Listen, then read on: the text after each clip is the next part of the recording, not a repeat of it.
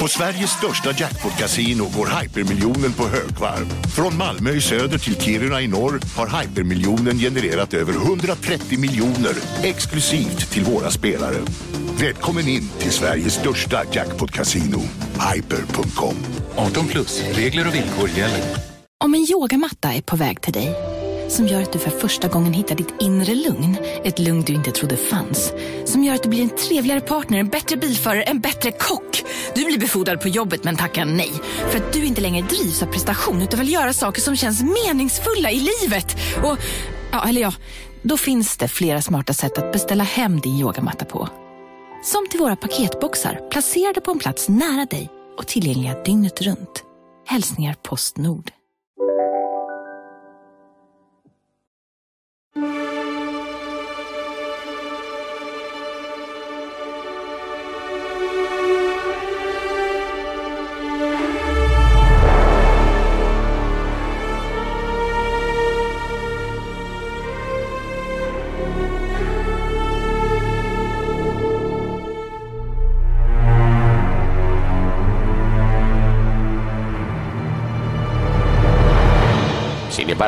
El cuarto y definitivo iba a acabar llegando.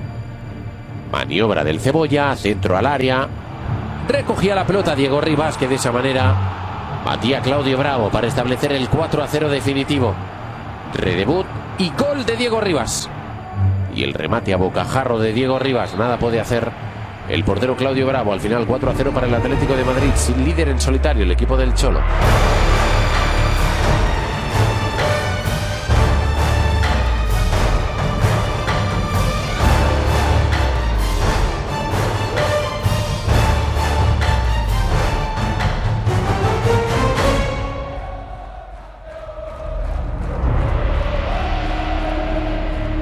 Men seger mot Real Sociedad var ju en eh, snygg hommage till Argonés, men sen hackade det lite grann va? Ja, det gör ju faktiskt det. Ifall det finns en svacka den här säsongen så följer den på Real Sociedad-matchen. För i februari, ja, de förlorar mot Almeria och sen förlorar de mot Osasuna och mitt i allt så åker de ur kuppen mot Real Madrid.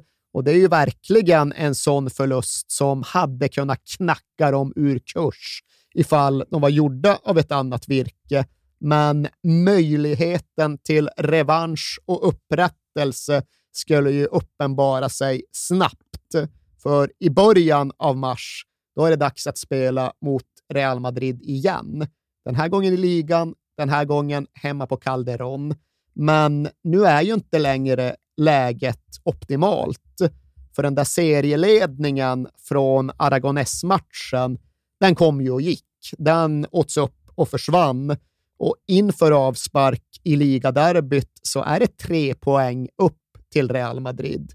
Och det fattar ni själva utifrån vilka de här klubbarna var och hur ligan fungerade, att det här kunde vara det. Ifall Atletico förlorade så skulle de vara sex poäng efter en bit in i mars. Och det äter de inte i kapp. Ett Nej. så stort avstånd så sent in på säsongen mot en sån motståndare, det var oöverbryggligt i den spanska ligan på den här tiden. Så det var leva eller dö, ta poäng eller försvinna. Vinna, ja, då skulle de ju vara uppe på samma poäng som Real Madrid. Men det här var en derby eftermiddag då allt stod på spel. Och även om de hade med sig de där två vinsterna från Bernabeu så är det alltjämt för tidigt att påstå att alla komplex och all pessimism var bortsvept för det satt djupt alla år av alla förluster.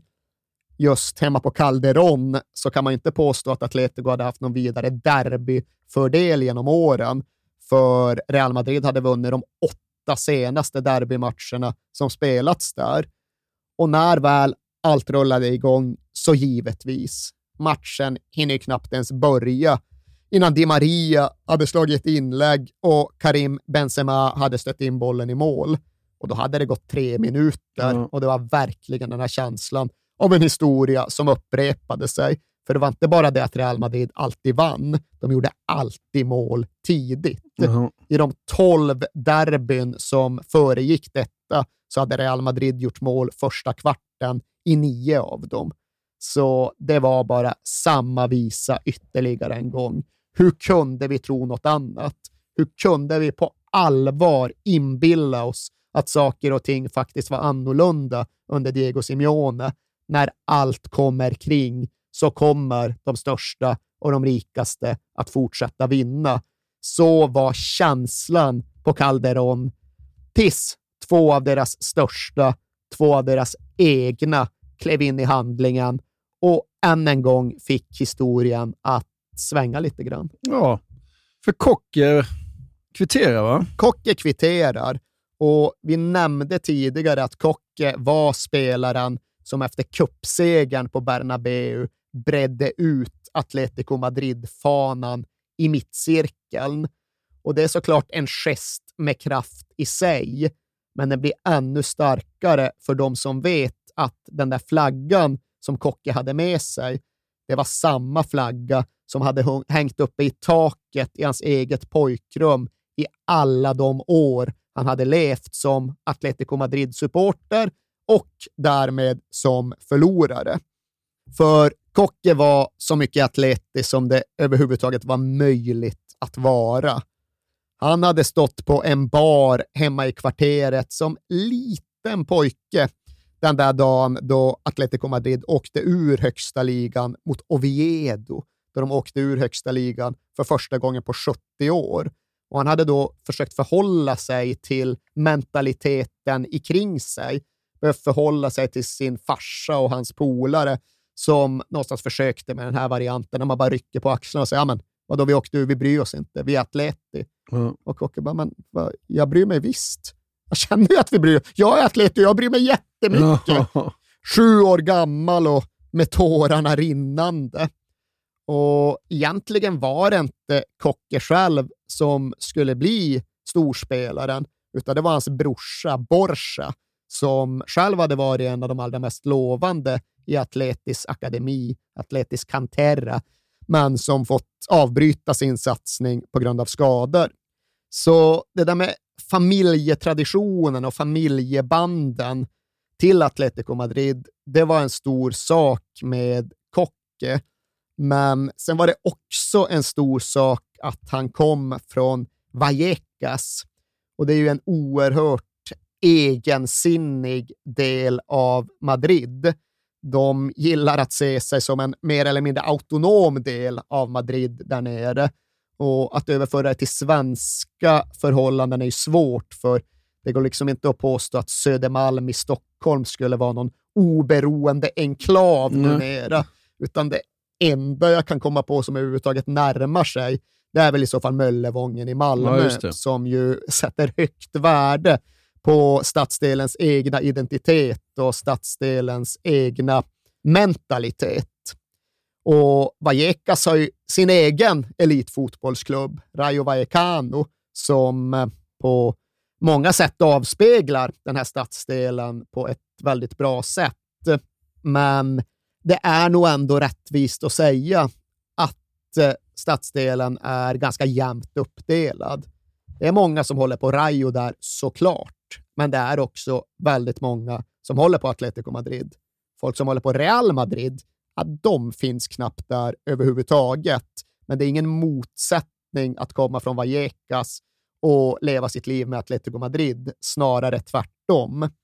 Och Kocke kom också att förkroppsliga det gamla idealet om, den gamla drömmen om grabben från kvarteret som bara knallade ner till fotbollsklubben och kickade lite boll och sen plötsligt tog över världen. För i hög utsträckning var det precis så det gick till.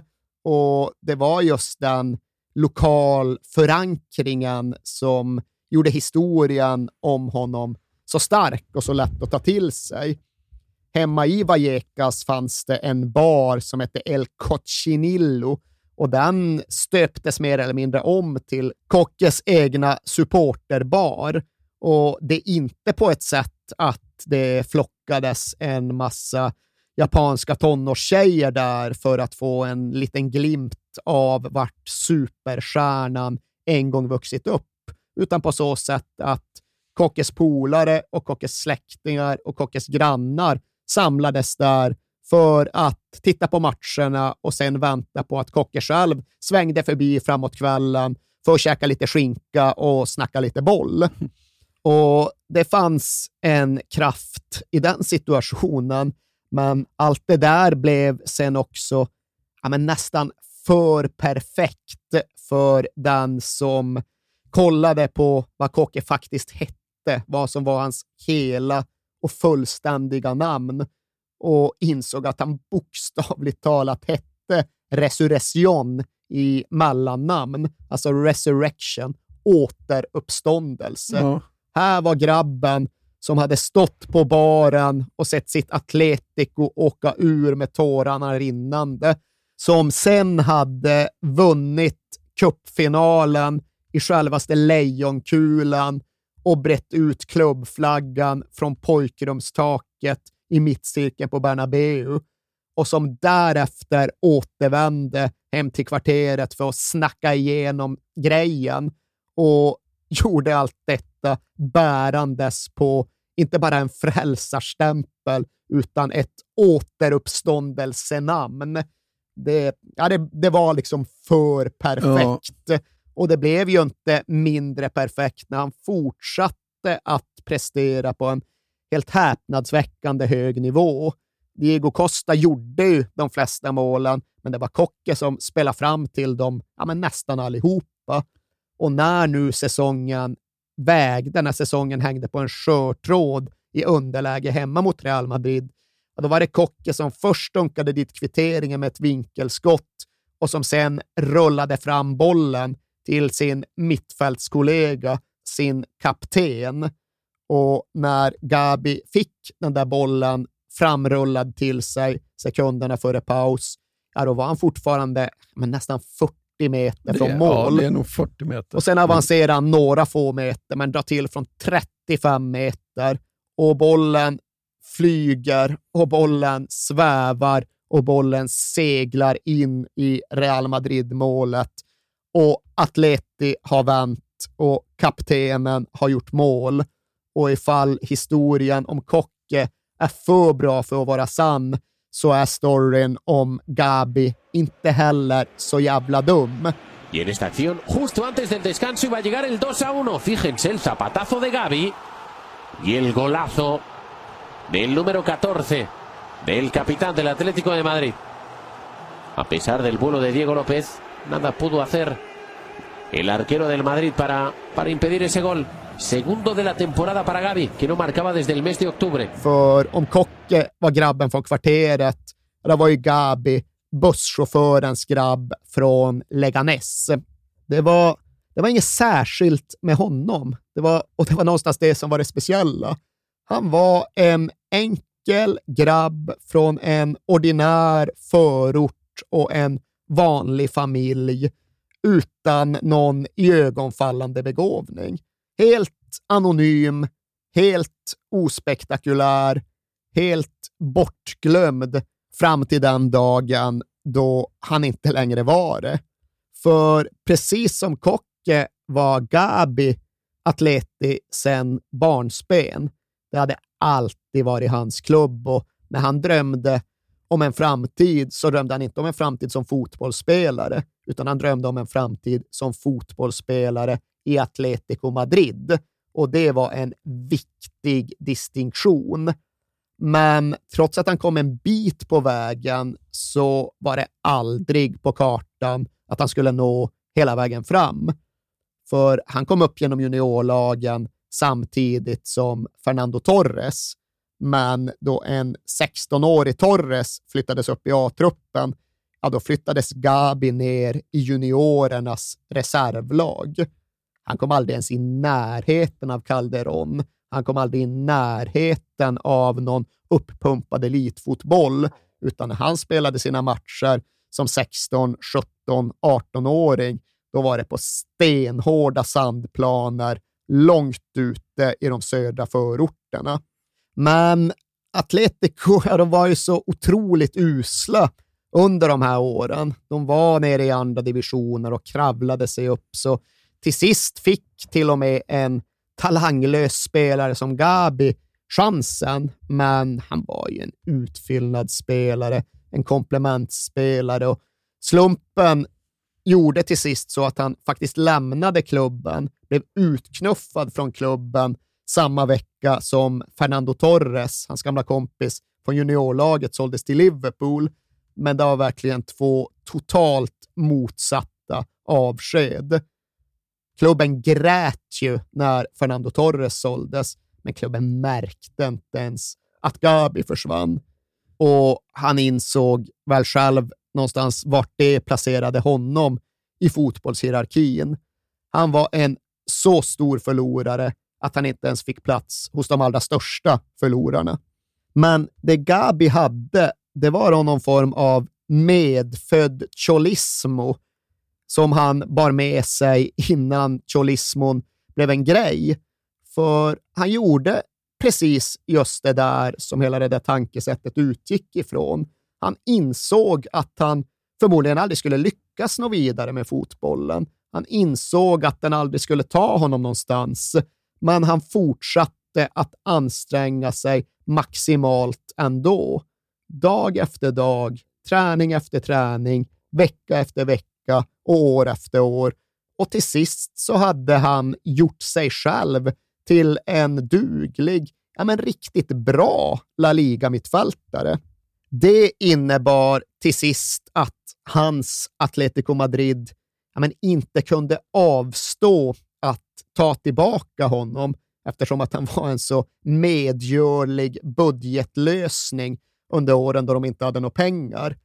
Men det återköpet, ja, det skedde sen bara några få månader innan Diego Simeone kom tillbaka och förändrade allt. Och Simeone såg ju snabbt det ingen annan tidigare hade sett, eller i alla fall det ingen annan tidigare hade brytt sig om. Att det här var ju en kille som kanske inte var den mest bollbegåvade i kommunen, men som hade precis just den där mentaliteten som var nödvändig ifall det här skulle kunna funka. Det här var Simeones kapten. Det här var killen han kunde bygga budord runt. Och precis det gjorde Simeone. Han pekade på Gabi, han pekade på de andra och han sa det att ni går dit kaptenen leder er. Och det var ett förtroende, men det innebar givetvis även förpliktelser för Gabi. För det fanns en försäsongsmatch då han skadade sig mot Celtic och trodde själv att han hade dragit korsbandet. Det vore givetvis ett oerhört slag mot honom som spelare. Det är sånt som kan äventyra en hel karriär än idag. Men Simeone kom ändå in till läkarrummet, lyssnade på Gabi och på hans farhågor och krävde sedan att ah, Kappi, det spelar faktiskt ingen roll. Oavsett om du har dragit korsbandet, oavsett vad som har hänt dig, så får aldrig ditt omklädningsrum se dig med huvudet nere. Så nu tar du ditt knä och nu går du tillbaka in dit och så fortsätter du leda dem alldeles oavsett hur det är med dig. För det handlar inte om dig och någonstans vet du nog själv om det också. Och det gjorde ju Gabi och det var inte korsbandet och han kunde fortsätta leda sitt lag och nu hade han till sist då tagit dem till en punkt då han själv vräker in distansskott från 35 meter och fullbordar vändningen mot Real Madrid och pumpar hela säsongen full med ny energi återigen. Och det är klart att där borde ju det där derbyt ha fått ta slut och avgöras, men riktigt så enkelt var det inte att vinna derbyn eller ligor i Spanien 2014. Nej, för det fanns ju den där jäkla Ronaldo också. Ronaldo var där och en massa annat folk var där. Alltså, det är helt otroligt laget de hade, för nu var det Ronaldo, Bale och Benzema, alltså mm. hela den där BBC-kedjan. Och så då alla de där andra kanonerna bakom ja. dem. Så ja, till sist krävdes ju ett enda halvmisstag. Mittfältsreserven Mario Suarez var inne och spelade. fick inte undan bollen ordentligt. Uh, en boll kom in i straffområdet. Bale missar, Ronaldo missar inte. Det är 2-2 och segern försvinner. Matchen övergår väl mer i någon sorts bakgatufight. Och där hade man ju velat tro att Atleti skulle ha övertaget, men det ska ju också sägas om Real Madrid att det var inte bara ett gäng smokinglirare som spelade när, när vädret tillät, utan när Diego Costa pumpade på, ja, då var det Pepe och Sergio Ramos ja. han gick upp emot. Så de vek ju inte ner sig, Real Madrid heller. Och... Så du Burgos där på Jo, det är ju han har väl fog för att tycka att Diego Costa ska ha en straff i en av alla de där duellerna. Ja. Men när de inte får den avblåsningen och när det följer på en rad situationer, ja då bestämmer sig Manu Burgos för att nu får det fan räcka. Ja. Nu ska han ställa saker och ting i ordning. Nu ska han gå mot domaren och liksom dra med sig allt som försöker stå i hans väg. Och han är ju på god väg att nå hela vägen fram och gudarna vet vad som hade hänt då. Han är så jävla arg och ja. stor. Och, att det, det, krävs ju fem, sex man. Sju från att, är de. Sju jag satt och räknade igår. Som ska, håller tillbaka ja, honom. Det här ska jag ju naturligtvis lägga ut på Instagram, så ni får kolla själva. Vi måste ju ha ett Manu Burgos-paket ja. totalt sett. Han är större än bara den här scenen, men han är väldigt stor i den här scenen. Ja, men självklart ska jag lägga ut ett sånt paket. Väldig, ostoppbar och en bra bild av ett Atletico som nådde nästan hela vägen fram den här dagen. Det blev ingen episk triumf. Det blev mest en sluggefest till slut och det var ganska svårt att värdera det där resultatet och den där poängen. Det var inte heller 2-2-siffrorna som utgjorde mittpunkten av efterspelet, utan det var ju mer kontroverserna och domsluten och upprördheten och aggressiviteten, testosteronet som hade ramat in slutfasen. Men när Diego Simeone väl släpade sig ut till pressen och skulle möta det här, ja, då upprepade han en fras som han redan hade använt sig av någon gång tidigare. Att jaha, ni tyckte att det var liksom aggressivt här. Har ni varit i Argentina? Ja. Det här är Disney jämfört med Argentina. Ja.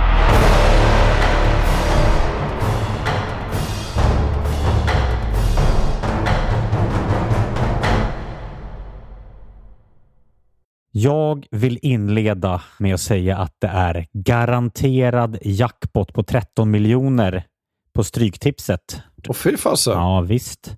Skulle du behöva 13 miljoner eller? Ja, det skulle jag verkligen. Men vi måste säga först att vi är ju sponsrade av Stryktipset. Ett spel från Svenska Spel, Sport och Casino för dig över 18 år. Yes, och stödlinjen.se finns där för dig om du har problem med ditt spelande. Nej, men 13 miljoner ja. jackpot på Stryktipset, det är ju inte fel. Nej, då är det faktiskt dags att ladda en rejäl rad här känns det mm -hmm. som. Vet du vad som inte heller är fel? Nej. Födelsedagsfirandet och alla härliga mm. historier vi får in. Exakt, mm. för vi är ju mitt inne i Stryktipsets 90-årsfirande som vi firar med att läsa upp fantastiska historier från våra lyssnare yes. som skickar in dem till kings at perfectdaymedia.se. Precis, bomba på nu. Det är åtta månader kvar på det här firandet, så att, eh, vi kör nu. Mycket Stryktipshistorier vill vi ha mm. och i dagens har vi fått från Peter som skriver så här. Hej på er och tack för en helt otrolig podcast. Den har räddat mina veckor i snart fyra år. Tack så mycket Peter. Min historia är ganska färsk, men den om när det vände på stopptid gav kanske inte de största pengarna, men känslan i mig består. Jag spelar ofta för lite mindre pengar på Stryket, följer fotbollen men långt ifrån en nörd. Och allt såg väldigt bra ut senast, förutom på min etta på Manchester United mot Brentford. Mm -hmm. Var ändå väldigt, var ändå väldigt nöjd med hur resten satt. Men på stopptid satte min nya favoritspelare, skotten McTominay, två mål och vändningen fullbordades. 64 rader blev 12 000 kronor. Tack för en bra podd. Det är podd. otroligt. Ja. Tack för en bra historia Peter. Ja, och som man älskar Scott McTominay. Gör man inte det? Ja, det gör man faktiskt. Han liksom kommer in i straffområdet jävligt bra faktiskt. Mm. Vi säger stort tack till våra vänner på Stryktipset. Tack.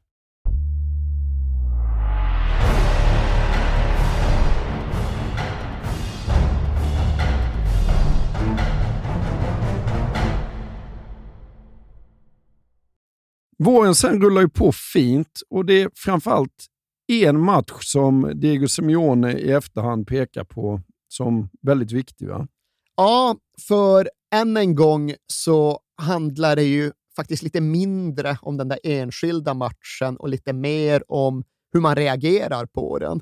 Jaha, det blev ett sent insläppt mål mot Real Madrid. Vart tar vi vägen nu? Det är ju bara att borsta av sig och inleda en ny segersvit. Och precis just det gjorde Atleti. De slog Celta Vigo, de slog Espanyol, de slog Betis igen, de slog Granada.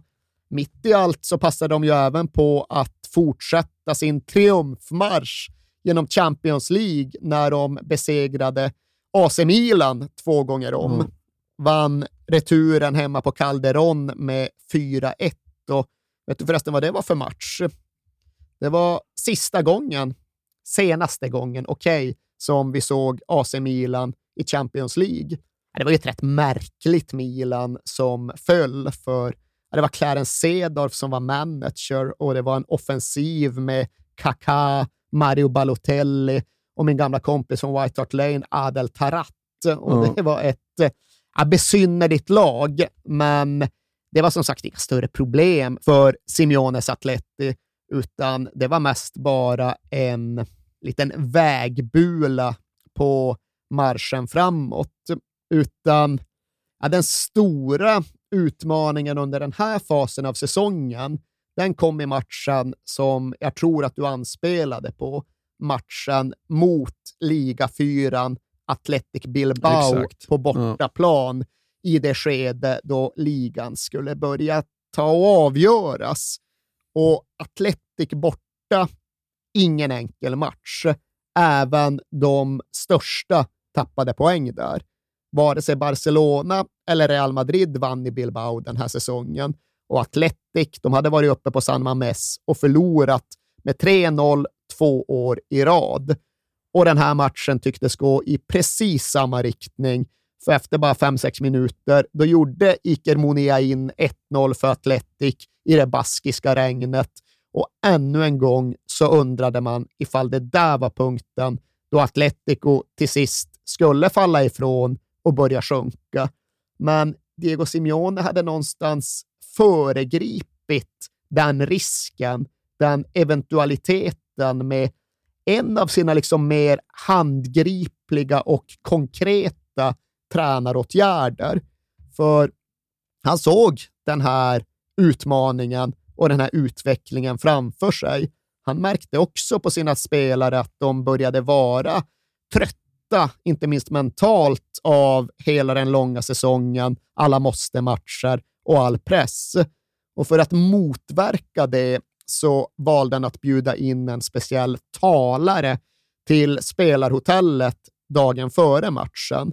Han bjöd in en kvinna som hette Irene Via för att prata. Och Irene Via, hon var bara 12 år gammal när en bomb från den baskiska separatistorganisationen ETA detonerade alldeles intill henne. Och hon förlorade båda benen och hon förlorade nästan alla fingrar på ena handen och hon låg länge i koma det var så illa att hennes egen familj, hennes egna föräldrar undrade ifall det kanske inte var lika bra att stänga av de livsuppehållande maskinerna för vilket liv skulle lilla Irene egentligen kunna återvända till? Skulle det överhuvudtaget vara ett liv värt att leva? Men jo, det visade det sig vara, för Irene Via hade den där förmågan att strunta i förutsättningarna, att ta sig igenom motgångarna och fortsätta framåt ändå. Alltså precis just det där som Diego Simeone så ihärdigt förespråkade. Det där som han försökte förkroppsliga i fotboll, men som såklart är ännu mycket starkare när det är ett riktigt liv det pratas om. Och precis just det där livet föreläste ju då Irene Via om inför spelargruppen hon berättade om hur hon hade tagit sig från ja, men förlamning till att bli någon sorts spansk mästare i, ja, vad heter det, paraslalom. Ja, Utförsåkning det, för funktionsvarierade. Jag har vant mig vid att livet håller mig tillbaka, men själv vill jag framåt ändå, summerade Irene Via. Och hon nådde fram till spelarna. Jag har inte blivit så berörd på flera år, berättade ytterbacken Filippe Luis. Och någonstans var det ju inte heller en tillfällighet att Diego Simeone valde att bjuda in ett av ETAs offer inför en match mot just Ja. ett baskiskt Ja. motstånd. Och vi behöver inte förhålla oss till den Ja. baskiska strävan för frihet här, men vi kan konstatera att Diego Simeone nog gjorde det och att Diego Simeone nog ville att hans spelare skulle ta med sig den känslan och kanske rent utav den vreden ut på planen. Och vilka känslor de nu än bar på så lyckades de kanalisera det i prestation. För Atleti klev inte åt sidan bara för att Atletic gjorde första målet, bara för att Atletic brukade vinna, utan de svarade upp och de pressade sig själva förbi ytterligare en av de här gränserna som framstått som väldigt svår att passera. Och det var Diego Costa som återigen drev laget likt någon sorts lejon på jakt. Han pressade fram kvitteringen, han pressade fram ett rött kort på Aymeric Laporte. Han såg till att Kocke kunde avgöra och punktera matchen och därmed sätta Atletico Madrid i någon typ av pole position inför det avslutande ligavarvet. Och som du sa så såg Diego Simeone själv det här som nyckelmatchen. Matchen som avgjorde ifall det skulle vara helt osannolikt att Atleti faktiskt skulle klara av att vinna ligan eller om det skulle vara rätt jäkla troligt att de skulle lyckas gå hela vägen. Ja. De fortsätter fightas mot Barcelona i ligan, men de skulle nu även möta Barcelona i kvartsfinalen i Champions League. Mitt uppe i allt annat, för det är verkligen en rätt stor del av den här berättelsen. Men fram till den här punkten hade det inte riktigt känts så. Som sagt, Atletico de tog sig igenom Champions League-gruppspelet utan att det ens märktes. Så lätt gick det. Och sen så blev de förvånansvärt lite utmanade av ett obalanserat Milan. Utan på ett sätt är det nästan som att deras Champions League börjar först här, i kvartsfinal, mot då såklart FC Barcelona. Och Det här är ett dubbelmöte som jag minns väldigt väl. Jag var nere på första matchen på Camp Nou och tar ju främst med mig minnet av hur den lilla brassesnidaren Diego i skymundan återvänt från ett Tysklandslån för att ge laget lite mer kreativ potens. Och egentligen var väl det tänkt att göra skillnad i det liksom lilla låsta spelet. Ifall motståndarna sjönk djupt, ja, men då kunde Diego lirka. Då kunde Diego hitta ett instick, men det han gör på Camp Nou är ju istället att han vräker in en distansskottslägga från sisådär 30 meter och chockar hemmaarenan. Det var chock som präglade Camp Nou när den där missilen susade in. Och sen kvitterade visserligen Barcelona, men med 1-1 från bortamatchen här återvände Atletico till Calderón med någon typ av försprång. Och när det väl var dags för match så nådde både laget, klubben och arenan någon typ av ny nivå. För gamla Vicente Calderón-stadion, ja, det var en fantastisk plats att se fotboll på vilken söndag som helst. Men det var också en arena som hade ja, men den där märkliga förmågan att liksom växa med uppgiften. det kändes när det var stormatch på Vicente Calderón och frågan är om det någonsin kändes så starkt och så mycket som på den här returen mot Barcelona. Var du någonsin där eller? Nej. Calderón? Nej. Ja, det ska du sörja, för den chansen är ju borta för Ja. alltid nu. Nerknackad och jävlig som den numera är. Men det var ju ingen speciellt inbjudande arena, trots att den låg rätt centralt i Madrid. Kvarteren där arenan låg belägen var rätt ruffiga och närmaste granne var något övergivet bryggeri. Och sen ramades ju allting in av att en stor jävla motorväg bokstavligt talat löpte in under huvudläktaren. ja. Ja. Det var märkligt. Ja. Men sen var det ju också så att Manzanares-floden rann alldeles intill detta. Och det borde väl bidra till liksom en trivsam liten naturupplevelse.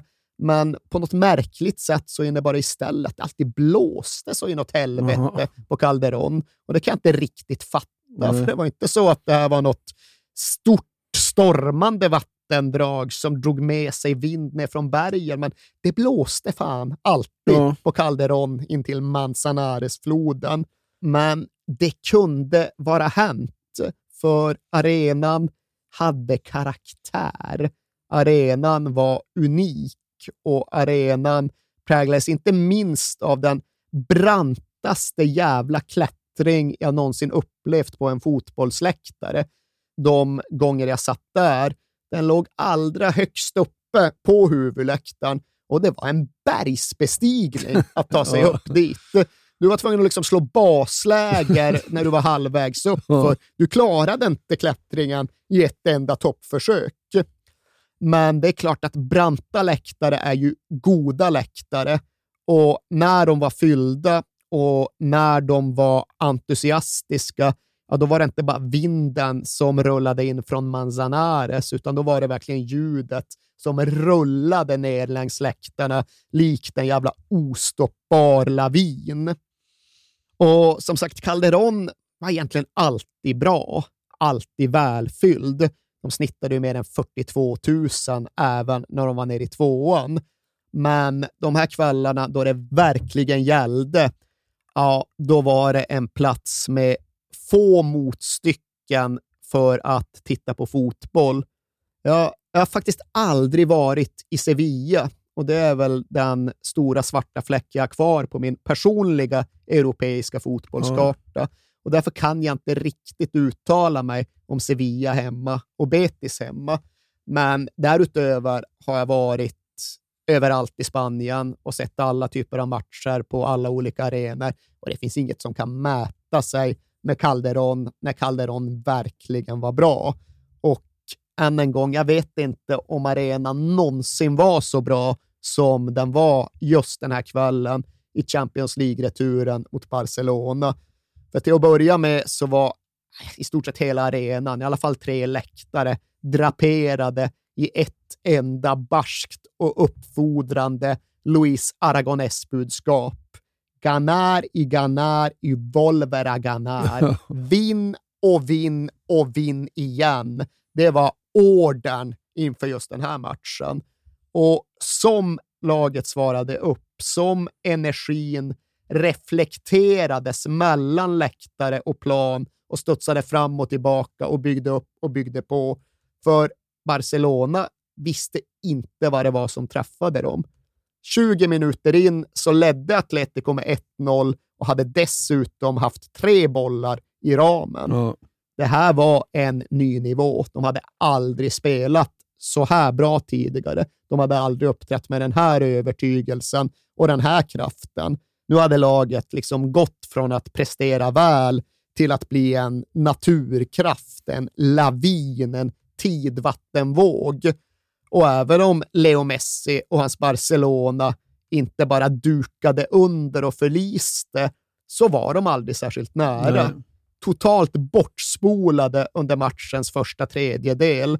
Sedan fick de väl någon form av fotfäste, men det var inget snack och ingen diskussion om att Atleti var det bättre laget och att Atleti skulle gå vidare. No podía Jordi Alba, atención, lo tiene. Se lo pierde Adrián. Atención con Coque. La pelota la está buscando. Intenta Villa. El centro de Villa puede ser. Ahí está otra vez Adrián. Ahí está el primero. Gol. Coque. Gol Atlético de Madrid. Lo hizo Coque, señores, en el comienzo del partido. A los cinco minutos, Atlético de Madrid 1, Barcelona 0. Coque lo hizo. En el saque lateral anterior, quando comentamos lo de Garcia. Och I semifinalen väntar Chelsea ett väldigt speciellt återseende. Va? Ja, även om de inte riktigt var där, för det var ju det där med Diego Simeones mässande om en match i taget, eller som man sa på spanska, partido a partido. Ja. Chelsea, visst, det kommer, men först Villarreal i ligan, seger. Sen Getafe i ligan, seger. Sen Elche i ligan, seger. Och då hade de ju positionerat sig. Då visste de att skulle de fortsätta vinna partido a partido hemma i ligan, ja, då skulle de plocka hem den.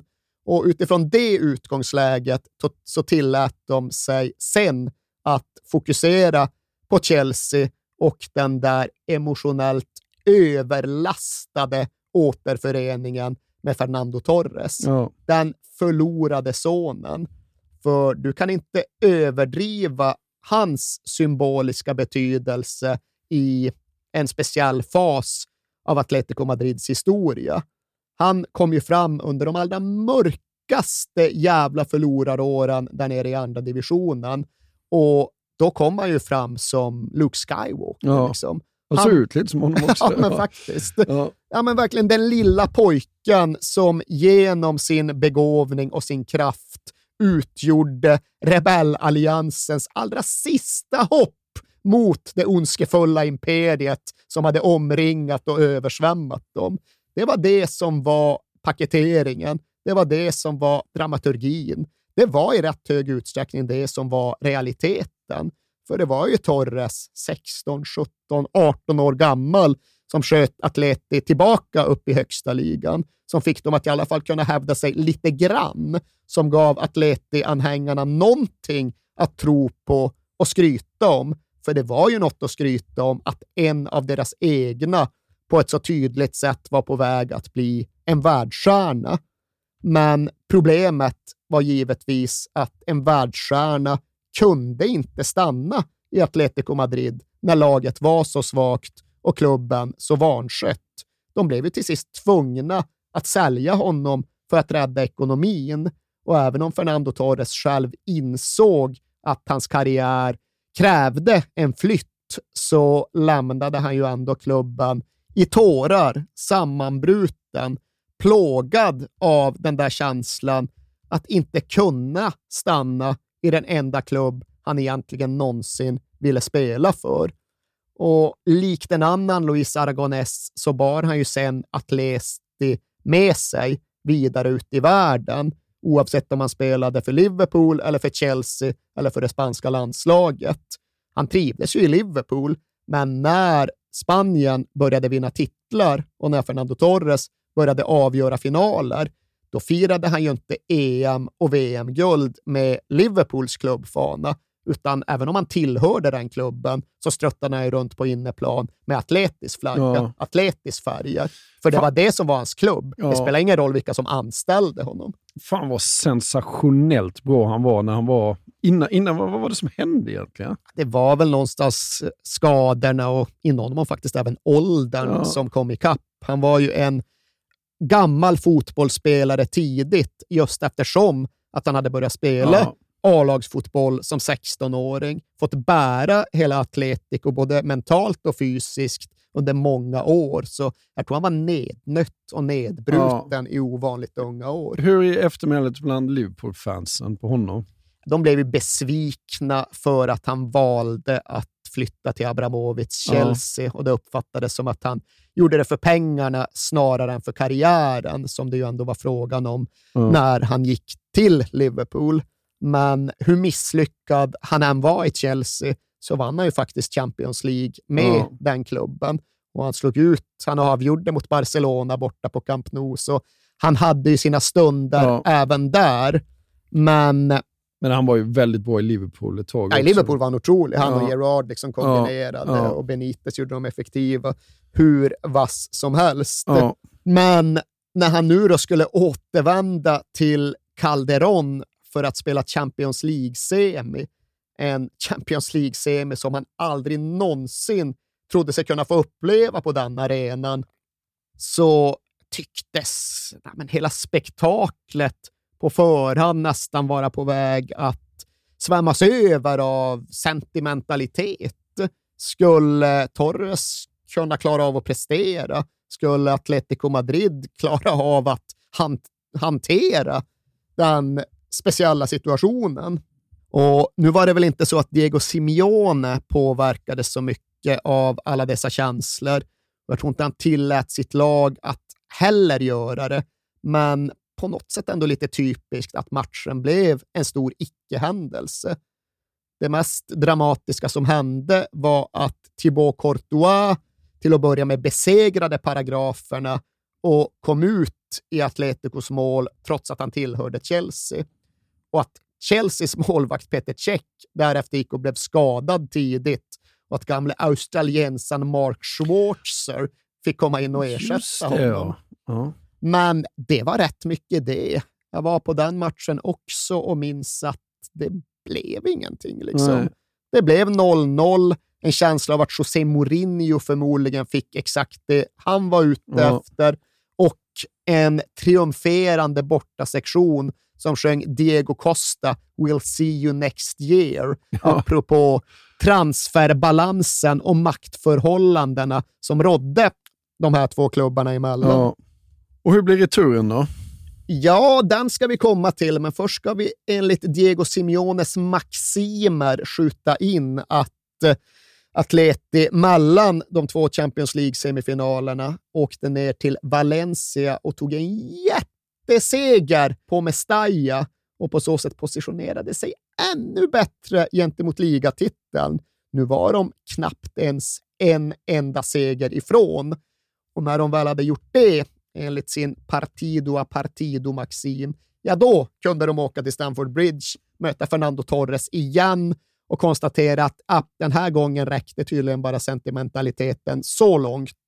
För en dryg halvtimme inne i matchen, ja, då springer Fernando Torres in 1-0 för Chelsea mot Atletico Madrid. Men en hjälte kan flytta, andra hade ju faktiskt återuppstått i hans ställe.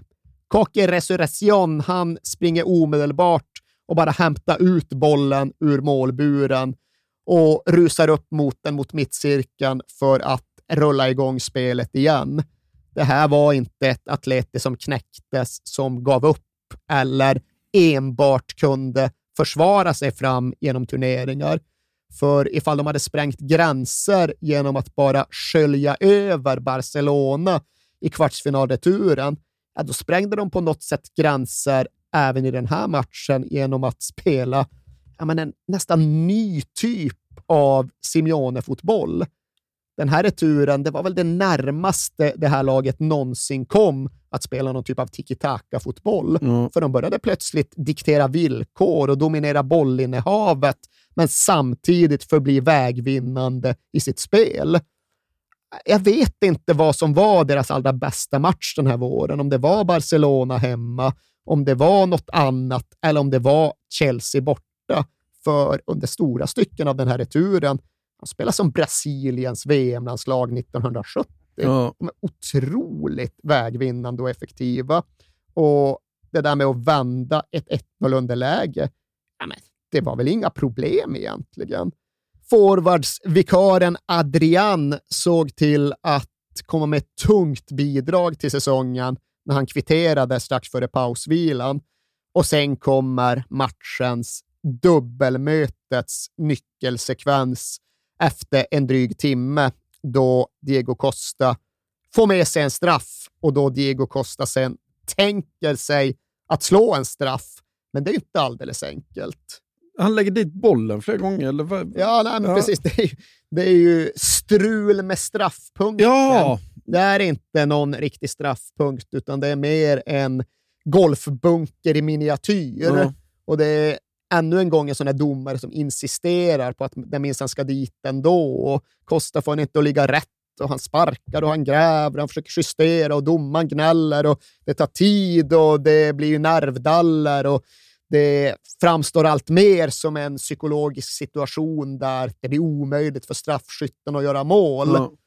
Men den tillresta Atletico-sektionen, den inser ju vad som står på spel och den försöker stärka Diego Costa på det bästa sätt den kan tänka sig. Under den här utdragna sekvensen så börjar den skandera högre och högre och högre de vackraste och mest kraftgivande ord de överhuvudtaget kan tänka sig. Luis Aragonés, Luis Aragonés, Luis Aragonés. Och när Diego Costa till sist då ska skjuta straffen och gräva upp bollen ur den där bunkern, då gör han det med häpnadsväckande övertygelse. Det blir någon typ av bunkerslag, ja, men, men han pitchar ju upp den i nättaket. Ja. Och det som förmodligen var alldeles oerhört svårt såg rätt jävla enkelt ja. ut.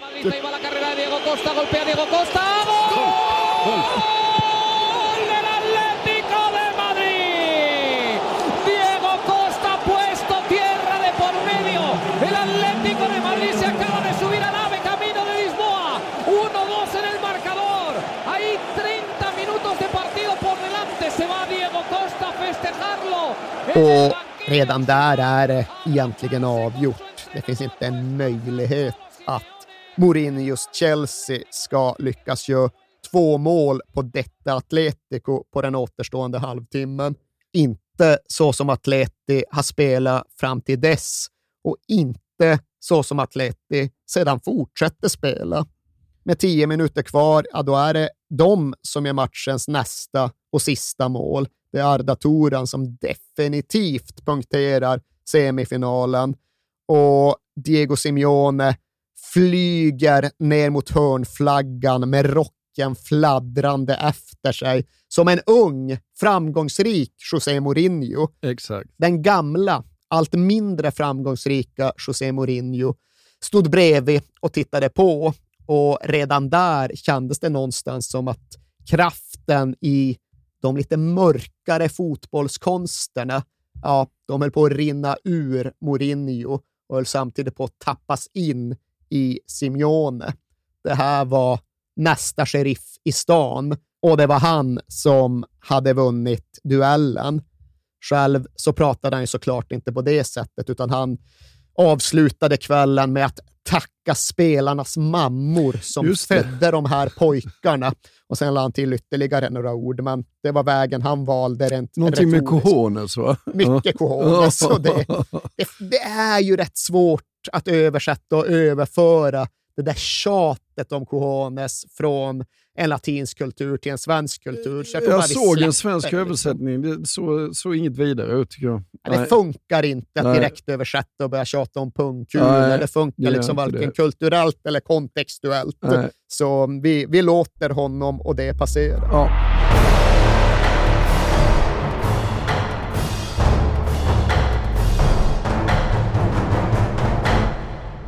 Men om man vinner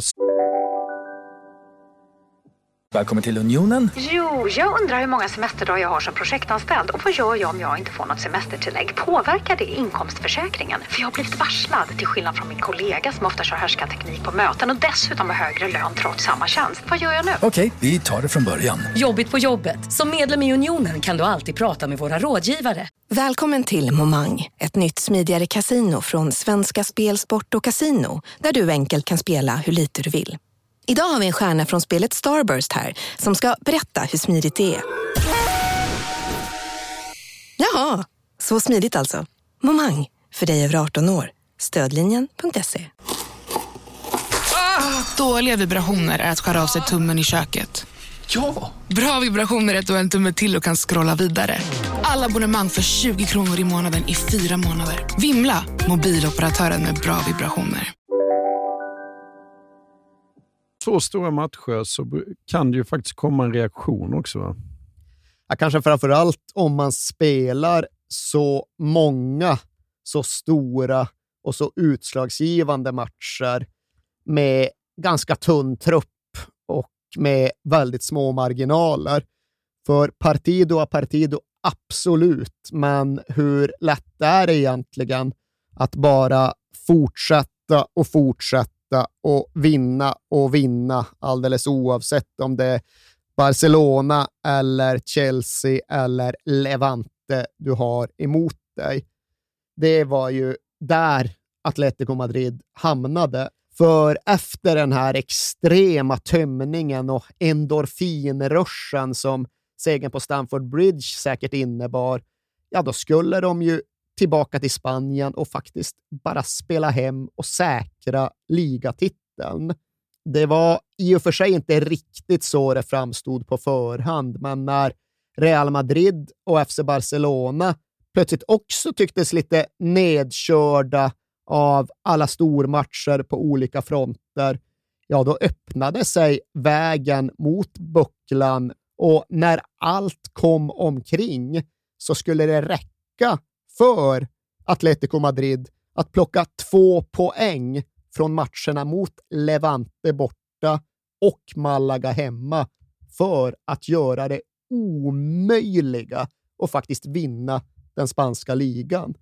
Men vad fan händer? Jo, nog tusan åker de ner till Valencia och förlorar mot Levante. Ja. Men det behövde ju nu inte vara hela världen, för om något så aktiverade väl det någon typ av parallell från den senaste ligatiteln 1996. Det var ju då som Diego Simeone hoppades att deras rivaler skulle vinna i den näst sista omgången, för han ville inte bli mästare i kavaj. Han ville spela för det ända in i slutet. Och Den här situationen innebar att Atleti fick precis samma typ av smashläge, precis samma typ av titelmatch på hemmaplan. Besegra bara Malaga på Calderon så är det klart. Då spelar ingenting annat någon roll. Och hur komplicerat kan det egentligen vara? Ja, det kan vara rätt jävla komplicerat ifall man är Atletico Madrid, för ingenting kommer någonsin enkelt för den klubben. Nej, för de hamnar i underläge. Ja, de gör det ganska sent i matchen.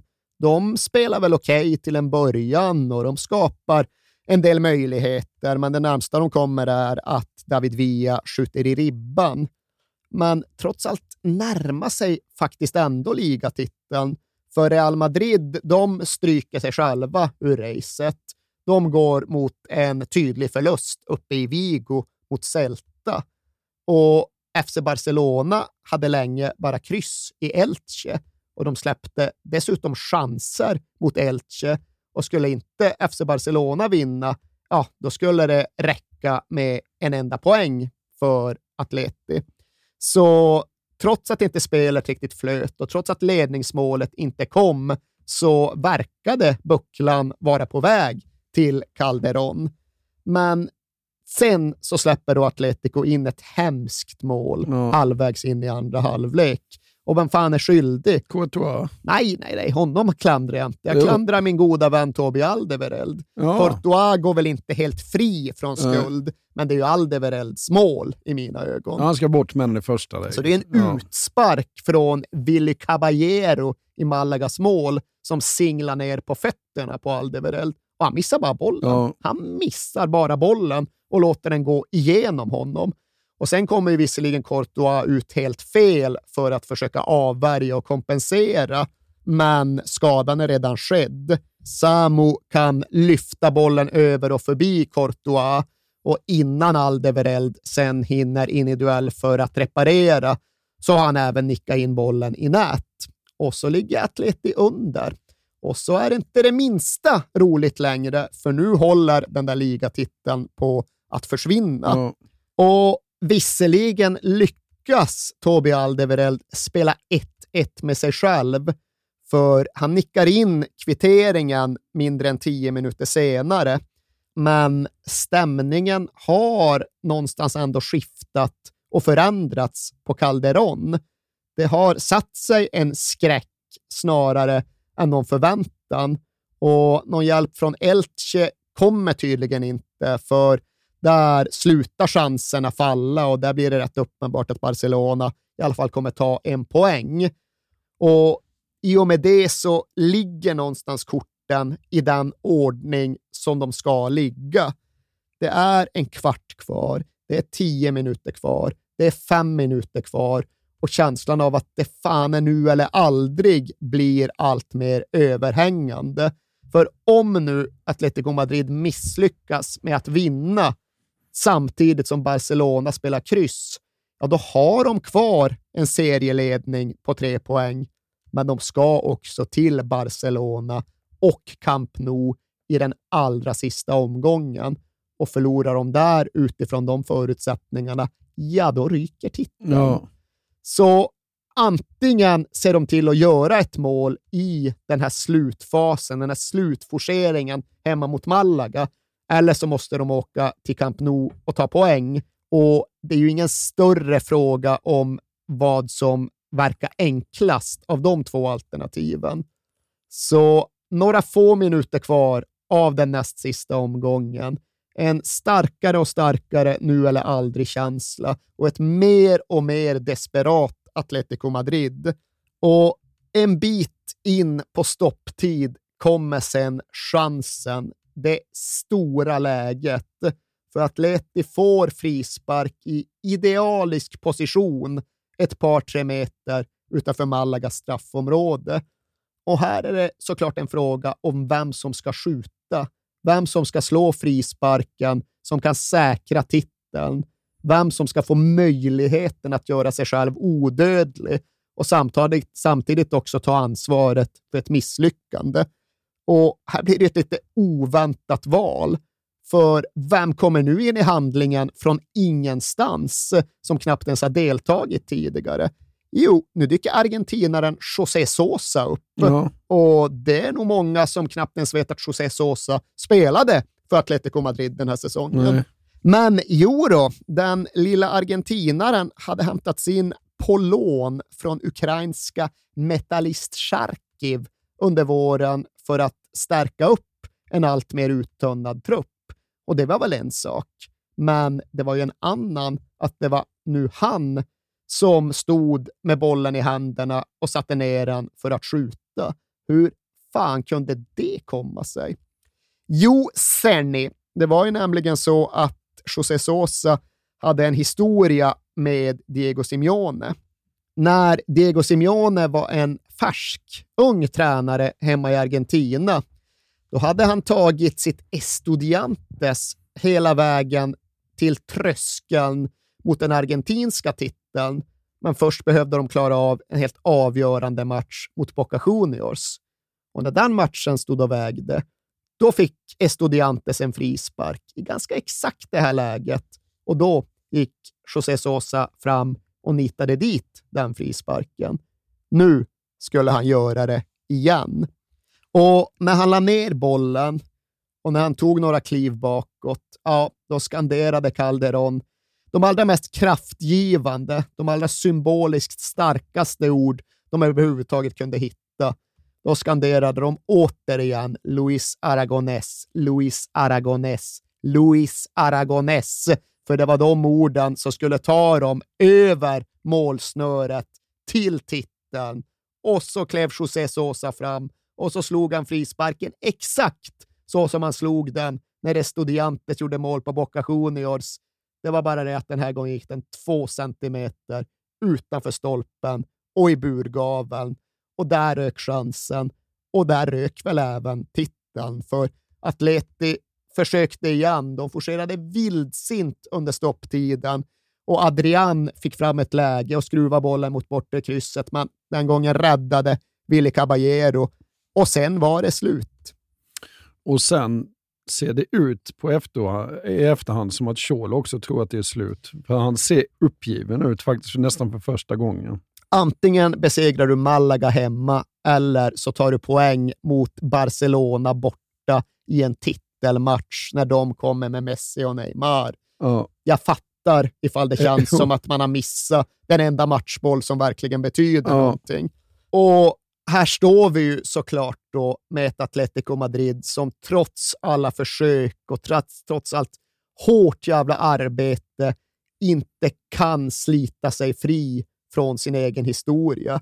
De är fjättrade som förlorare och det finns något ja, men nästan poetiskt över att de besvikna massorna som troppar iväg från Calderón lämnar längs gatan som heter Paseo de los Melancolicos. Ja. Alltså de, de melankoliskas passage eller melankolins väg. Där gick de, där försvann de och där mumlade de och muttrade sitt SD Atleti. Ja, det är Atleti. Ja. Det var så här det alltid skulle bli.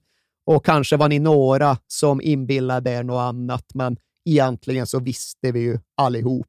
Det är det här som är Atleti och vi får lära oss att leva vidare med det. Ja. Men sex dagar senare så åker de till Barcelona. För matchen måste ju trots allt spelas. Ju. Ja, men den går ju åt helvete. För ja, det är en ren final mellan de två lagen högst upp i tabellen. Och en sån har inte spelats i den spanska fotbollen på 53 år. Men som sagt, SD Atleti. Det är Atletico det här och det är klart att det går åt helvete. Mm. Det går en kvart och sen har Diego Costa tvingats av. Han knallar av plan skadad och gråter. Och Arda Turan har tvingats av. Han går av skadad och sitter på bänken och gömmer ansiktet i tröjan. Och ute på plan spelar kapten Gabi med ett sprucket revben. Det här är inget som någon vet om. Han har inte ens berättat det för sina lagkamrater för att han är rädd för att det ska sippra ut Ja. och att motståndarna ska börja spela med det. Men hur mycket han än strider och kämpar så går han någonstans på försämrad kapacitet. Och där har du ju ja, men, tre av de absoluta nyckelspelarna mer eller mindre ur stridbart skick. Ja.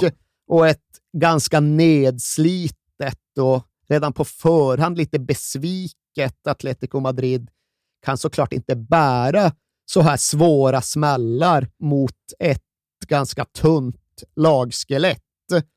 Och okej, de håller emot så gott de kan, men naturligtvis en dryg halvtimme in i matchen, ja, då hittar Leo Messi fram till Alexis Sanchez som dunkar upp ett skott i nättaket. Otroligt mål faktiskt. Ja, det får man säga. Ja. Och vad kan det vara på Camp Nou? 95 000? 96 973. Ja, för, Ja. för att häfta en siffra. ja, nej, de jublar ju. Det är nästan enbart hemmafans Ja. också. Det är ju allt det där med den spanska bortatraditionen. Jag tror att Atleti hade, ifall vi ska gissa, 447 bortafans på plats. Ja. Det var ingen jättesektion. Och liksom 100 000 emot dig. Skadorna som bara följer slag i slag. Baklängesmål inprickat, serieledningen bortblåst. Ah, det är en tung pausvila att släpa sig in till, både för spelarna och för Diego Simeone. Ja. Men riktigt vad som sägs och vad som sker i den där pausen, det har aldrig kommit fram. Men det vi kan anta, det är ju att Simeone på något sätt har vädjat till en allra sista kraftansträngning. Har vi nu kommit så långt, ja, men då måste vi ju i alla fall få ihop till ett rejält sista jävla försök. Tre steg från toppen.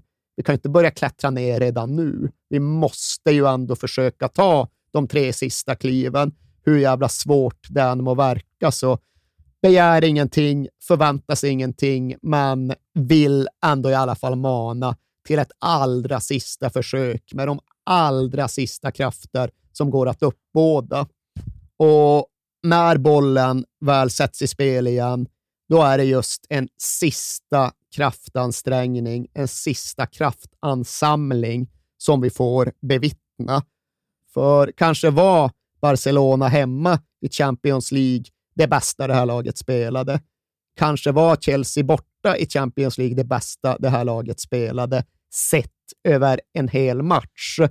Men sett till en enskild period, då tror jag inte att det går att säga något annat än att de första 20 minuterna av den här andra avgörande halvleken på Camp Nou är det allra bästa de presterade.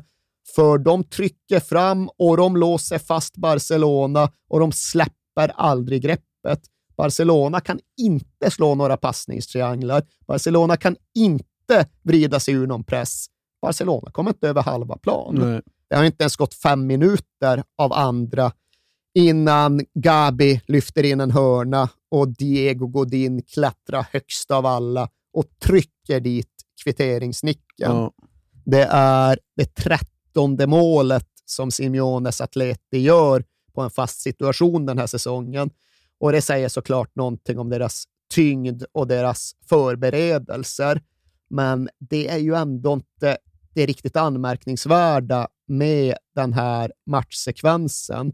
För trots att de har gjort det där målet, trots att de är tillbaka i serieledning och trots att de har guldet i sina händer igen, så slutar de ju inte pressa. De slutar inte gå framåt, utan de behåller matchbilden och motståndaren i ett jävla järngrepp i, i alla fall halva den här andra halvleken.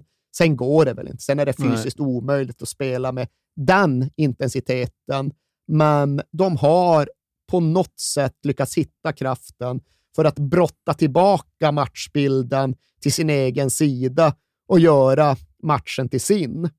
Och visst, Barcelona får sen tag i bollen igen och de spelar runt en del och skapar väl lite grann. Messi har ett, en boll inne, men det målet blir korrekt bortdömt.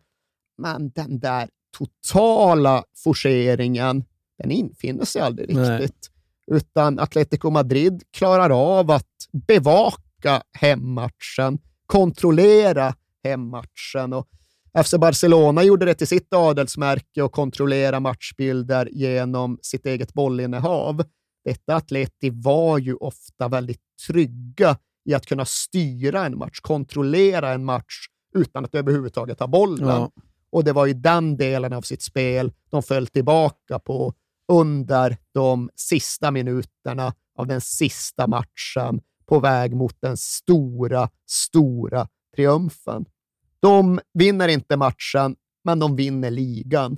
Ligan som var omöjlig att vinna utifrån deras utgångspunkt, utifrån deras förutsättningar.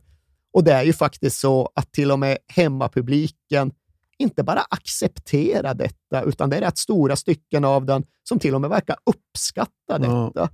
När Barcelona-fansen troppar av så är det ganska många av dem som skanderar Atleti, Atleti. Mm. Och det går väl å ena sidan att prata om en supporterskara som fått så mycket och varit så bortskämd att inte ens en tappad ligatitel berör dem så jävla mycket. Nej. Men det ska också sägas att det är en fotbollspublik som har vett att uppskatta det extraordinära och på så sätt kan låta bedriften de just har skådat övertrumfa besvikelsen som de garanterat upplevde. För det här var inte bara en skräll bland andra. Och visst, Leicester City två år senare, absolut. Den sensationen kommer väl alltid att sakna motstycke. Men bakom den, nedanför stratosfären och någonstans i vårt eget universum, ja, där håller jag den här Atletico Madrid-titeln som 2000-talsfotbollens förmodligen allra största underverk. För det gick ju inte att vinna men mer eller mindre alla matcher. Det gick ju inte att passera detta FC Barcelona, Leo Messis Barcelona och Cristiano Ronaldos Real Madrid. Och det gick ju framför allt inte ens att drömma om det från den punkt där Atletico Madrid startade. Och den punkt där detta Atletico Madrid så tydligt startade, det var ju den där Copa del Rey-förlusten hemma mot Albacete från tredje ligan i december 2011. Sen gick det lite drygt två år och sen stod samma jävla spelare och uträttade detta. Det var ju inte så att de hade värvat ihop ett helt nytt lag eller fått fram en helt sensationell skara ungdomar från akademin och på så sätt förändrat sin egen verklighet, utan de hade tagit samma odugliga, ordinära, mediokra spelargrupp och gjort dem till världserövrare. Det var alltså åtta stycken som var med och föll mot Albacete som nu var med på Camp Nou och vann ligan. Ja. Och det, nej, jag kan inte se vad som skulle vara jämförbart. I praktiken inga nyförvärv, snarare så att vissa av de bästa hade försvunnit. Men samma gäng, samma begränsningar, bara helt annan slutprodukt och helt annan resultat. Äh, det är det som är tränarskap, gruppbyggande, utveckling. Ta samma råvara, men få ut en helt, helt, helt annan slutprodukt. Alltså när de vann ligan, när de säkrade den här titeln, så var de elva spelarna ute på plan inköpta för tillsammans mindre än 40 miljoner euro. Ja.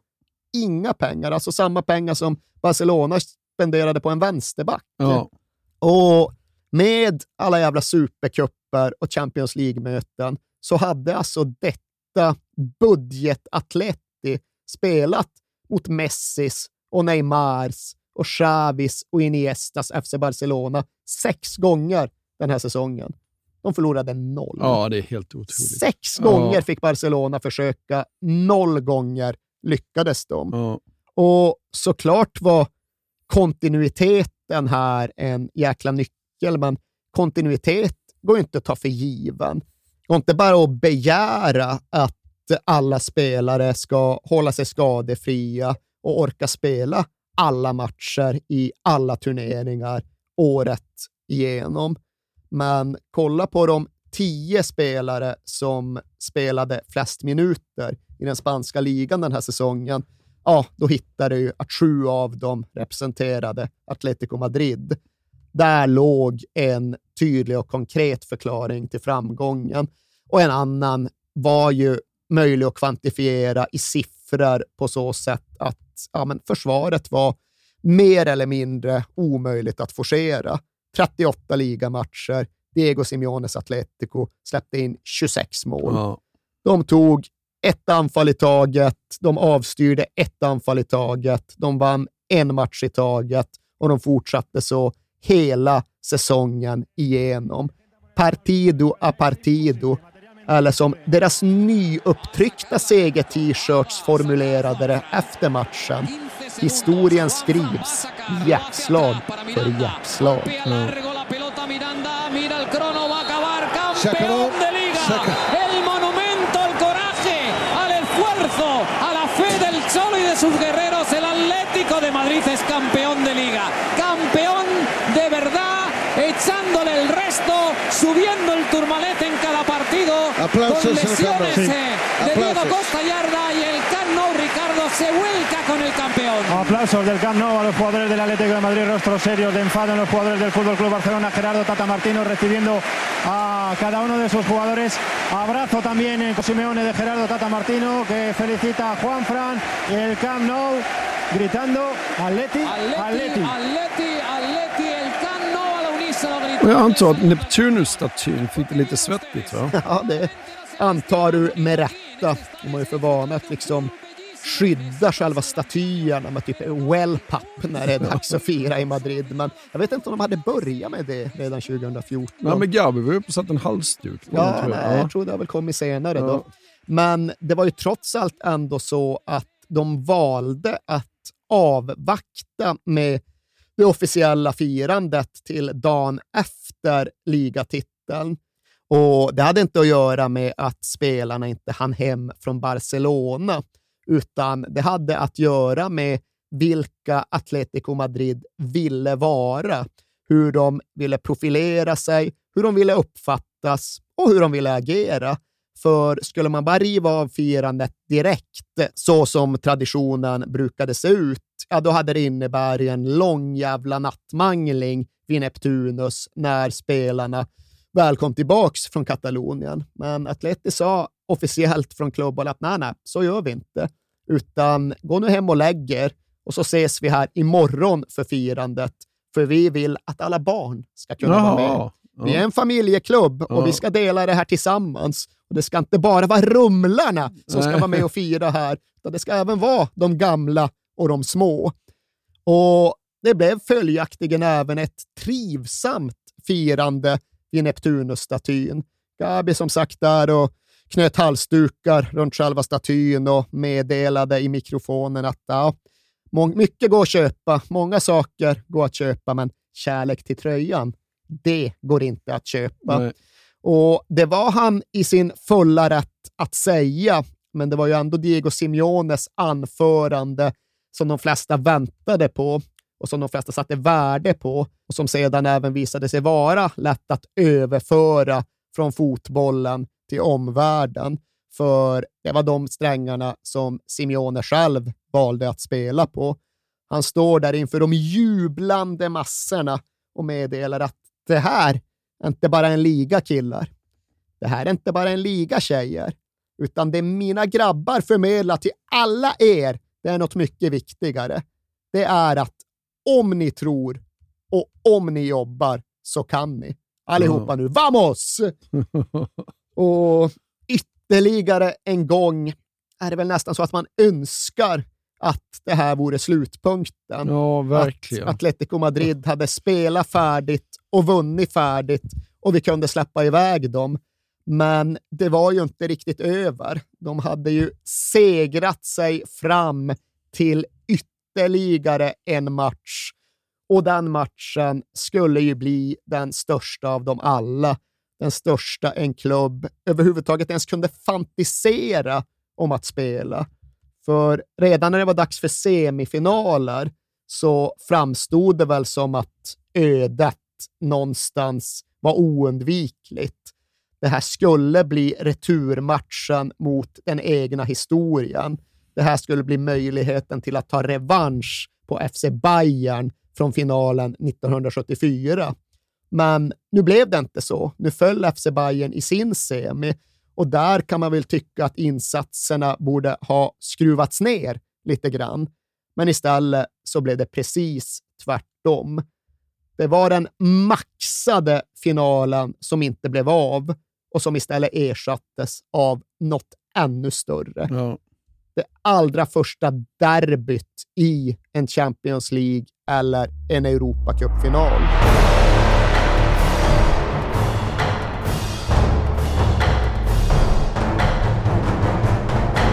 Och den skulle spelas i Lissabon och jag antar att du var där va? Ja, det var jag absolut.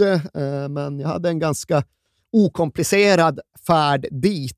Däremot så var det rätt svårt att ta sig till Lissabon från Madrid på ett enkelt sätt under just de här dagarna. Det var rätt många som ville Ja. göra den resan. Men sen är det ju för sig inte världens allra mest komplicerade resa. A5, motorvägen, den går hela vägen från den ena staden till den andra, även om det nu är 65 mil emellan. Men det är inte bara motorvägen som löper hela vägen fram, utan det är ju faktiskt även så att från Vicente Calderón-stadion, då rinner Manzanares-floden västerut till platsen där den går upp i floden Tagus och sedan fortsätter hela vägen fram till Lissabon. Och det fanns de som ville bygga symbolik av det. Det fanns säkert de som fan försökte paddla kanot hela vägen från Atleticos hemmaarena till finalstaden. Men nu väntade en träff med ödet för alla inblandade. Nu väntade en match som överhuvudtaget inte kunde vara större än vad den skulle bli. För det var naturligtvis den största matchen i Atletico Madrids klubbhistoria. Men det går allt att hävda att det faktiskt var den största i Real Madrids klubbhistoria också. För alla har sina kors att bära, sina mål att sträva mot. Och om Atletico Madrid var nedtyngda av sina förluster så var någonstans Real Madrid fångade av alla sina segrar. de hade ju också kämpat i år efter år efter år, som nu hade hunnit bli rätt många, för att ta den där tionde Europacupbucklan, för att vinna La Decima. Och det hade absolut börjat närma sig en fixering eller en besatthet för dem också.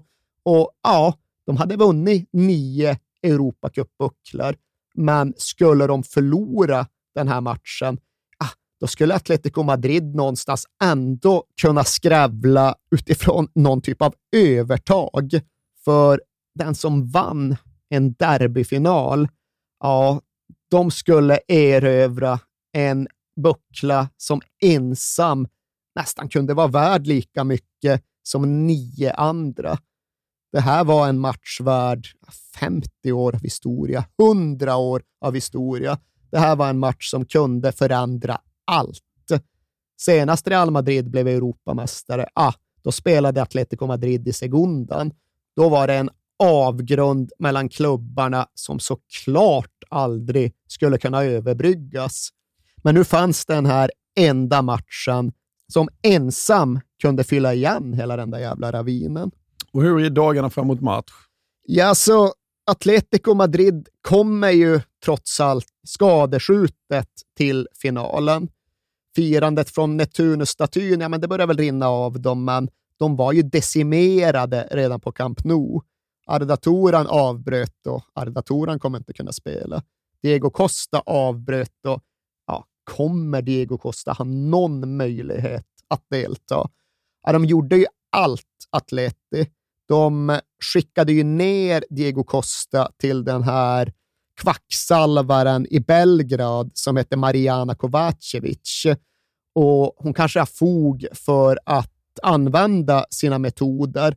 Det är ju någonting med att hon tar blod från en hästs moderkaka och injicerar i blodomloppet på en människa för att påskynda läkningen. Det känns inte som hon har så jättemycket fog för det. Faktiskt. Ja, men hon har rätt många ja. kunder. Alltså, hon har behandlat ja. Robin van Persie, hon har behandlat Vincent Kompani. Ja. På hennes hemsida har hon en lista med 114 spelare som hon har behandlat och som hon påstår sig ha goda vitsord ifrån. Okay och de fanns såklart med i ekvationen när Diego Costa ändå skickades till Belgrad vad hade de att förlora? Nej, det Fanns det en chans ja, så visst. var det värt att testa. Ja. Och eh, det där var då följetongen under hela väg, veckan fram till match. Spelar Diego Costa, spelar Diego Costa inte. Atletico Madrids president Enrique Cerezo, han bara liksom ryckte på axlarna, gav någon form av outgrundlig min och svarade ja, det beror på hästen. Och till sist spelar ju faktiskt Diego Costa. Ja. Till sist kommer han till start i Champions League-finalen och sen går det tio minuter och sen håller det inte längre. Nej. Sen avbryter han. Hur blir matchen då? Ja, den är ju tuff, tajt och tät, precis som väntat. Och Atletico Madrid lyckas ju på något sätt hitta kraft nog för att överträffa sig själva ytterligare en gång. De rasar ju inte ihop den här gången heller när deras bästa spelare går av, utan de fortsätter strävsamt och metodiskt och uppoffringsvilligt att följa sin plan och sin filosofi. Och Real Madrid kommer med Cristiano och Bale och Benzema och Di Maria och Modric, men Atleti står inte bara emot, utan Atleti hävdar sig, Atleti tar ledningen. Och det är ju ett speciellt mål för i Real Madrids mål stod ju som sig bör Iker Casillas, men han hade ju haft en mardrömsperiod som följde på José Mourinhos avslutande tid i klubben. Det hade ju skurit sig gentemot Mourinho, i förlängning gentemot mer eller mindre hela klubben, så den här säsongen hade han egentligen varit petad mest hela tiden. Han hade fått stå två ligamatcher och istället reducerats till en kuppmålvakt. Men i mandatet som kuppmålvakt så ingick det ändå att spela Champions League hela vägen in i och över finalen. Så nu skulle han ju visa, nu skulle han demonstrera att han såklart fortfarande var, inte bara Real Madrids, utan kanske världens bästa målvakt. Han skulle utgöra den här sista kvarvarande länken tillbaka till det Real Madrid som fanns före Florentino Pérez. Och han skulle fortsätta bygga på sin obrutna svit av framgångar mot Atletico Madrid. Han hade spelat 26 derbyn, han hade aldrig förlorat. Nej. Och så gick det nu en halvtimme och så blev han alldeles för överambitiös när han skulle ut och plocka bollar i en andra våg efter en hörna. Och så kom han helt fel på mellanhand och Diego Godin, väldiga Diego Godin, kunde nicka in ytterligare ett mål som länge tycktes ge Atletico Madrid ytterligare en osannolik titel.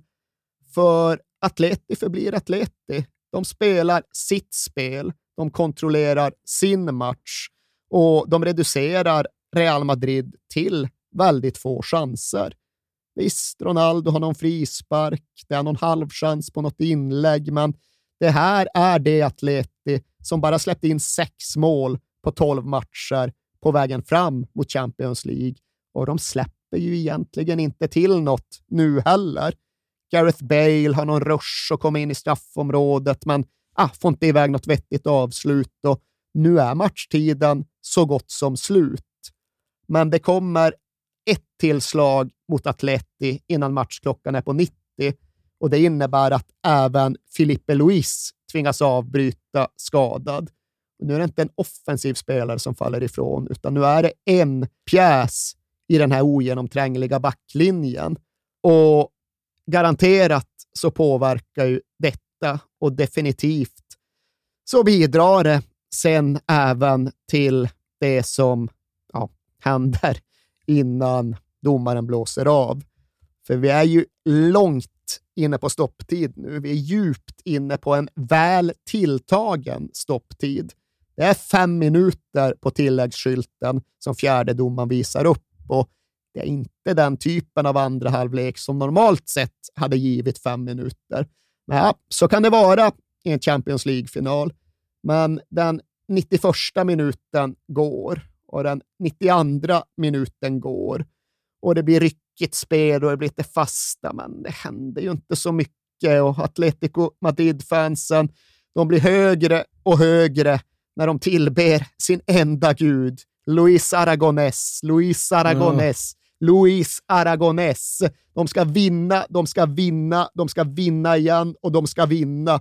Och i just den här matchen så har faktiskt kapten Gabi sett till att Luis Aragones namn har broderats in i kragarna på matchtröjorna med guldtråd. Och till slut är vi nu bara en eller ett par stopptidsminuter ifrån den slutgiltiga triumfen. I praktiken är det en enda återstående fast situation att hantera.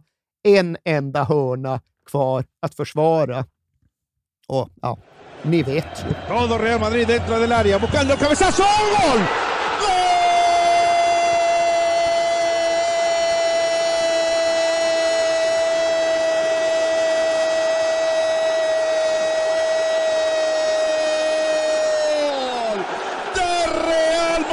sobre la hora, señores, en el séptimo, en el de la buena suerte, ¿eh? Hay alargue, ¿eh? 1-1. Y por algo dicen que son noches mágicas, porque hasta el final nunca se sabe Ni vet ju vad som hände när Luka Modric ska in den där hörnan och på något jävla sätt så kan plötsligt Sergio Ramos gå i upp oattackerad vid straffpunkten och därefter smiter bollen in på nästan exakt samma ställe nere vid målvaktens högra stolpe som Schwarzenbecks distansskott gick in prick 40 år tidigare. Ja. Den här gången är det Sergio Ramos på nick och den här gången har det gått exakt 92 minuter och 48 sekunder. Och det är ju väldigt många Real Madrid-anhängare som har tatuerat in den siffran. Det har han ju gjort själv också. Ja, det är klart han har. Ja. Och Och man, det- man ogillar ju, eller i alla fall jag gör det, men, det, men, men man ogillar honom men samtidigt så beundrar man honom något fruktansvärt också. Liksom, Ja, det, visst, vilken jävla men att se hans vinnarfigur. 92-48-tatuering är ju inte skönt alltså. Ja, men det är ju någonstans också ett understrykande av hur otroligt stort och viktigt det här var även för Real Ja. Madrid. Det var inte bara en av tio triumfer. Det var inte bara en av, jag vet inte, 15 finaler. Det här var den stora matchen, den stora finalen och de var några få minuter ifrån att förlora den. Men när den där bollen väl går in, när kvitteringsmålet är gjort, när förlängningen väntar, då är det över. Då är det slut. Det är inget kvitteringsmål, utan det är i praktiken ett segermål. Såg du Ancelottis reaktion när han gjorde... Låt missa att han höjde på ögonbrynet. alltså, det, det var ungefär så här, ja. Och sen så ingenting mer. Däremot minns jag hur jag såg Diego Simeones reaktion från läktaren omedelbart efter målet. För den går in, han konstaterar faktum, det går liksom två, max tre sekunder efter målet innan han är ute och patrullerar längs sidlinjen och går ner mot Atletico-kurvan och försöker vifta och pumpa igång de sina ytterligare en gång. Jaha, det var det. Mål insläppt. Nu kör vi igen. Upp i nivå. Partido a partido, minut på minut. Det ska hjärtslag för hjärtslag. Det ska gå. Men det kunde inte. Det fanns inget kvar längre. Det var så väldigt stark känsla där på arenan att det redan var avgjort. Och jag tror att båda lagen själva kände det. Atletico Madrid, de försökte såklart hålla huvudena högt, men det var bara att kolla på Ike Casillas. Han var ju några få minuter ifrån att bli en gigantisk syndabock och istället så skulle han få stå på vinnarsidan. Han gick ju fram och kysste Sergio Ramos av lättnad redan innan förlängningen hade börjat. Och uppe på hedersläktaren stod Florentino Pérez och kramades med den spanska premiärministern José María Aznar. Och bilden av det var ju någonstans bilden av hur, hur makten höll ihop och Ja, hur makten precis. alltid skulle vinna. Och förlängningen, alltså, jag pallar inte att gå igenom förlängningen i någon större detalj. Bale nickade in. Di Maria sprang och sprang och var helt jävla ostoppbar och Atletico Madrid var färdiga och slut och orkade inte springa med Di Maria. Så han sprang vidare och han gjorde ett mål. Och sen blir det en straff och på prick 120 minuter, ja då står Cristiano Ronaldo där och slår in den allra sista spiken, den allra sista sparken. Och sen drar han av sig tröjan och står i någon jävla hulk Det håller man också på att kräkas över. Ja, det- så jävla Hur var det att se honom på läktaren egentligen? Ja, alltså jag vet inte. Det, jag kan ju aldrig sätta mig in i hur det var för de som verkligen berördes.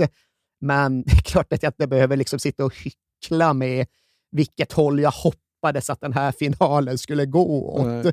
Det är klart att jag ville att Atletico Madrid skulle vinna och det är klart att jag hoppades att Cholo Simeone skulle bli än mer odödlig än vad han redan var. Men nu blev det inte så.